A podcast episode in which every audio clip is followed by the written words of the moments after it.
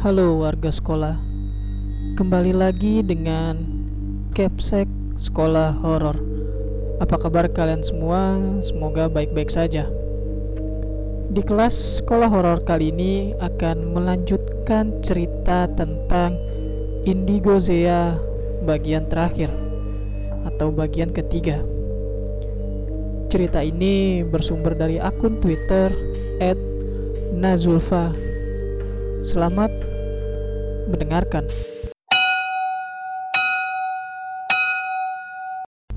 Keluar kamu. Tidak.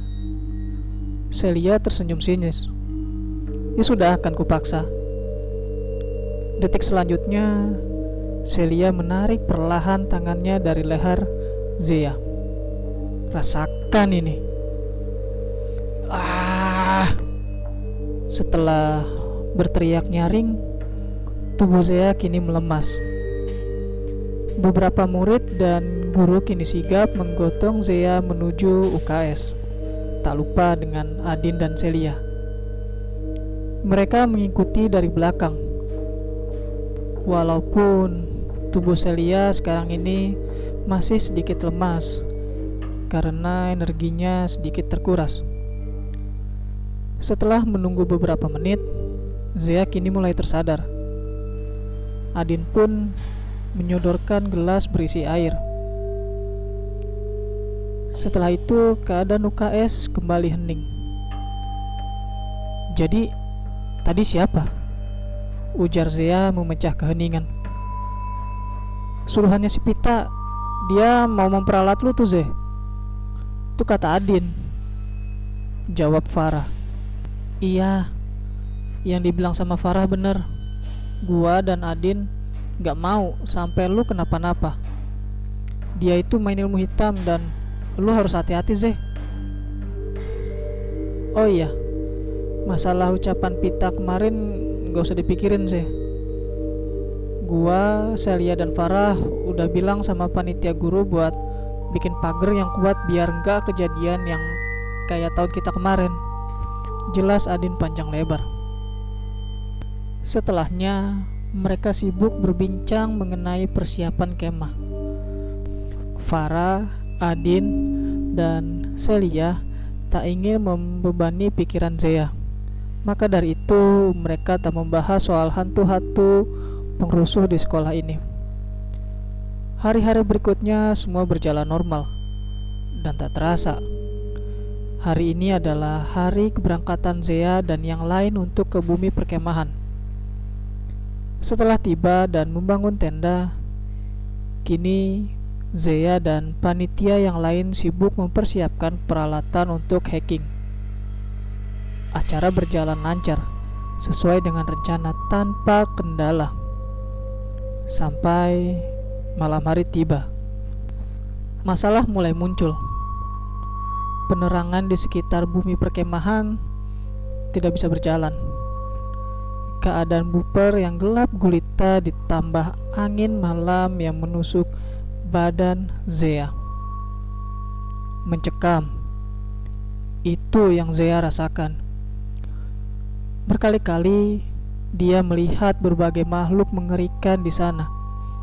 Dan yang mengganggu Zea sekarang adalah gadis kecil berambut panjang. Mukanya sangat pucat seperti habis tercebur di air saja. Tapi Zea berusaha tak peduli dengannya. Tepat pukul 21.35, penerangan baru bisa berfungsi kembali. Keadaan Buper sudah tak lagi gelap gulita dan malam pertama berjalan sesuai dengan rencana. Begitupun dengan hari-hari berikutnya. Acara perkemahan tahun ini bisa dibilang sukses tanpa kendala dan tak ada kejadian yang tidak diinginkan. Sehari setelah perkemahan usai, kini Zea sudah kembali ke sekolah. Zea kini diam, termenung, karena Farah sedang asik dengan ponselnya. Zea terus mencoret bukunya tak beraturan. Hingga Zea bertemu dengan sesosok gadis kecil bermuka pucat sedang berdiam meringkuk di pojok kelas. Perlahan, ia mengangkat wajahnya dan terlihat wajah pucat yang amat menyedihkan.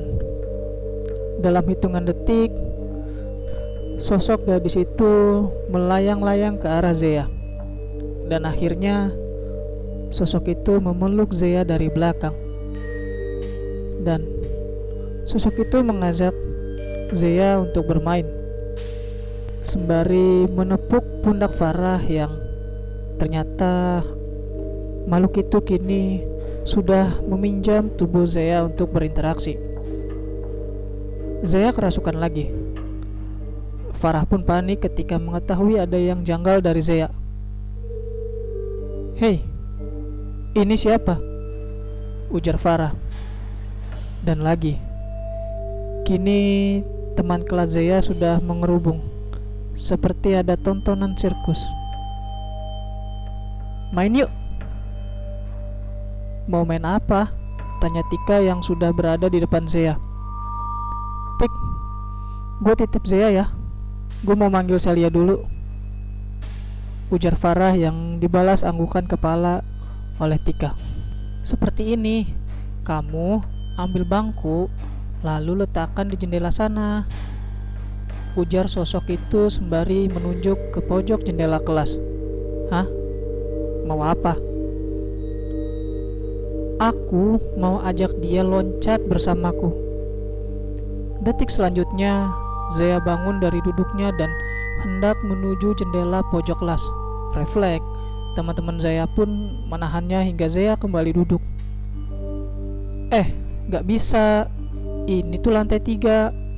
Kalau Zaya jatuh, nanti bisa bahaya. Dia bisa kehilangan nyawa. Ujar Tika. Memang, aku ingin membuatnya mati Lalu dia bisa bersama denganku selamanya. Dia bisa menjadi kakakku. Keadaan semakin ricuh. Zaya terus meronta-ronta hingga akhirnya Aska memeluk tubuh Zaya dari samping. Kenapa harus Aska? Mau moduskah dia memeluk Zaya? Kamu tidak bisa mengambil temanku, teriak Celia yang baru datang. Tak lupa diikuti Farah dan Adin yang kini sudah membawa botol air mineral yang kosong. Celia mendekat dan seperti biasa menekan leher Zea. Sosok itu menangis. Siapa namamu? Tanya Adin. Namaku Nia. Adin kemudian membuka tutup botol air mineral dan menjulurkannya ke arah Zea.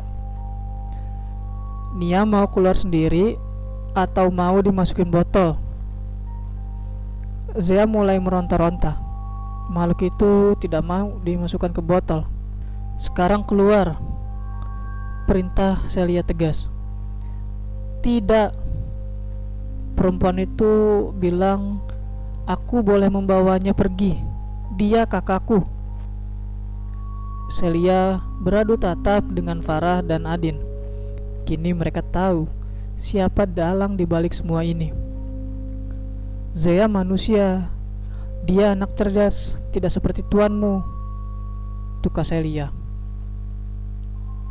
Makhluk itu pun menangis karena merasa bahwa dirinya selalu mendapatkan kejahatan dari maminya. Celia menatap Zea dengan iba. Ternyata sosok kecil itu mempunyai masa lalu yang kelam. Ia merasa sendirian. Pantas saja. Anak kecil dan malang ini mau diperintah oleh si perempuan jahat itu untuk membawa Zaya pergi. Ia ingin mempunyai teman ternyata. Memangnya mami kamu kenapa? Tanya Celia. Mami jahat.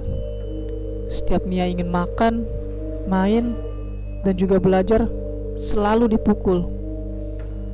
Nia menjeda ucapannya. Hanya Dedi yang sayang pada Nia, tidak dengan Mami. Saat Dedi pergi, Mami mengurung Nia, tidak memberi makan, hanya memukul dan menyiram Nia dengan air yang sangat panas. Tangis dari Nia. Kini semuanya menatap Iba Zeya. Malang sekali nasib gadis kecil ini. Bahkan usianya belum genap 8 tahun. Sampai hari itu tiba, Nia tak menghabiskan makanan Nia. Lalu Mami memukul Nia dan Mami memasukkan Nia ke dalam kandi air. Mami menutupnya dan meninggalkan Nia dan tiba-tiba Nia tak bisa lagi menyentuh Dedi.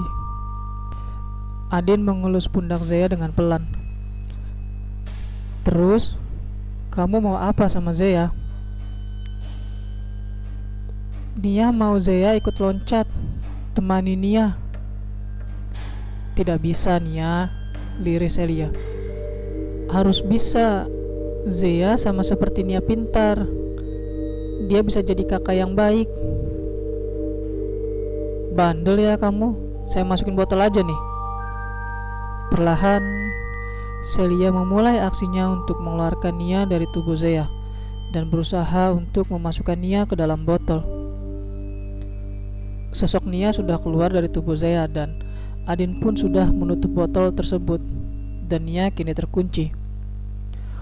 Beberapa teman Zea dan Farah memapa Zea menuju UKS. Setelah sampai di UKS dan merasa agak baikan, barulah seperti biasa, Zea menanyakan apa yang sebenarnya terjadi. Siapa dia? Perlahan, Farah mengusap punduk Zea. Dia Nia. Kasihan dia. Disiksa sama orang tuanya dan dia mau lo ikut sama Nia buat mati. Gila aja ya kalau lo sampai mati di sini. Sekolah bisa tambah angker. Sarkas Adin. Dan yang nyuruh Nia itu nggak lain adalah Pita. Setelah gua dan Adin telusuri ternyata Pita mau manfaatin darah dan Sukma lo. Ujar Celia. Dan dia memperalat Nia. Dia itu dari Buper dan hari di mana lo ketemu Pita. Di hari itulah dia nyuruh Nia buat gangguin lo. Ya namanya anak kecil. Kayak Nia apalagi korban kekerasan ibunya. Jadi gampang aja gitu dibohongin. Sambung Celia panjang lebar. Terus sekarang gimana? Tanya Zaya takut. Tenang aja. Gua udah masukin dia ke botol dan udah gua amanin. Yakin Celia sembari tersenyum dengan tulus. Iya, lu tenang. Dan janganlah berurusan sama Pita lagi ya. Sambung Adin. Kita nggak mau kenapa-napa lu Zeh. Farah lalu memeluk Zea dan diikuti dengan Celia dan Adin. Makasih ya, kalian semua baik banget sama gua. Gak apa, kan kita teman. Mulai sekarang kita bakal jadi lebih dari teman dan kita bakal jaga satu sama yang lain. Gimana? Setuju kan? Tanya Celia. Setelah itu, mereka tertawa bersama, saling menyemangati satu dengan yang lainnya. Pertemanan mereka sangat unik. Unik karena mereka disatukan oleh para hantu yang licik. Akankah pertemanan mereka bertahan atau akan hancur karena ulah manusia? Atau mereka malah berselisih paham karena ada hantu yang sangat jahat dan membodohi mereka? Entahlah, ikuti saja alur Tuhan.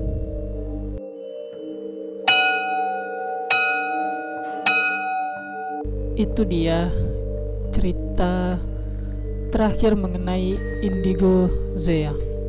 Terima kasih buat kalian warga sekolah yang telah mendengarkan cerita ini. Dan terima kasih juga kepada akun Twitter @nazulfa yang telah memberikan kami izin untuk membacakan cerita ini. Jangan lupa untuk like dan share video ini agar warga sekolah horor semakin bertambah.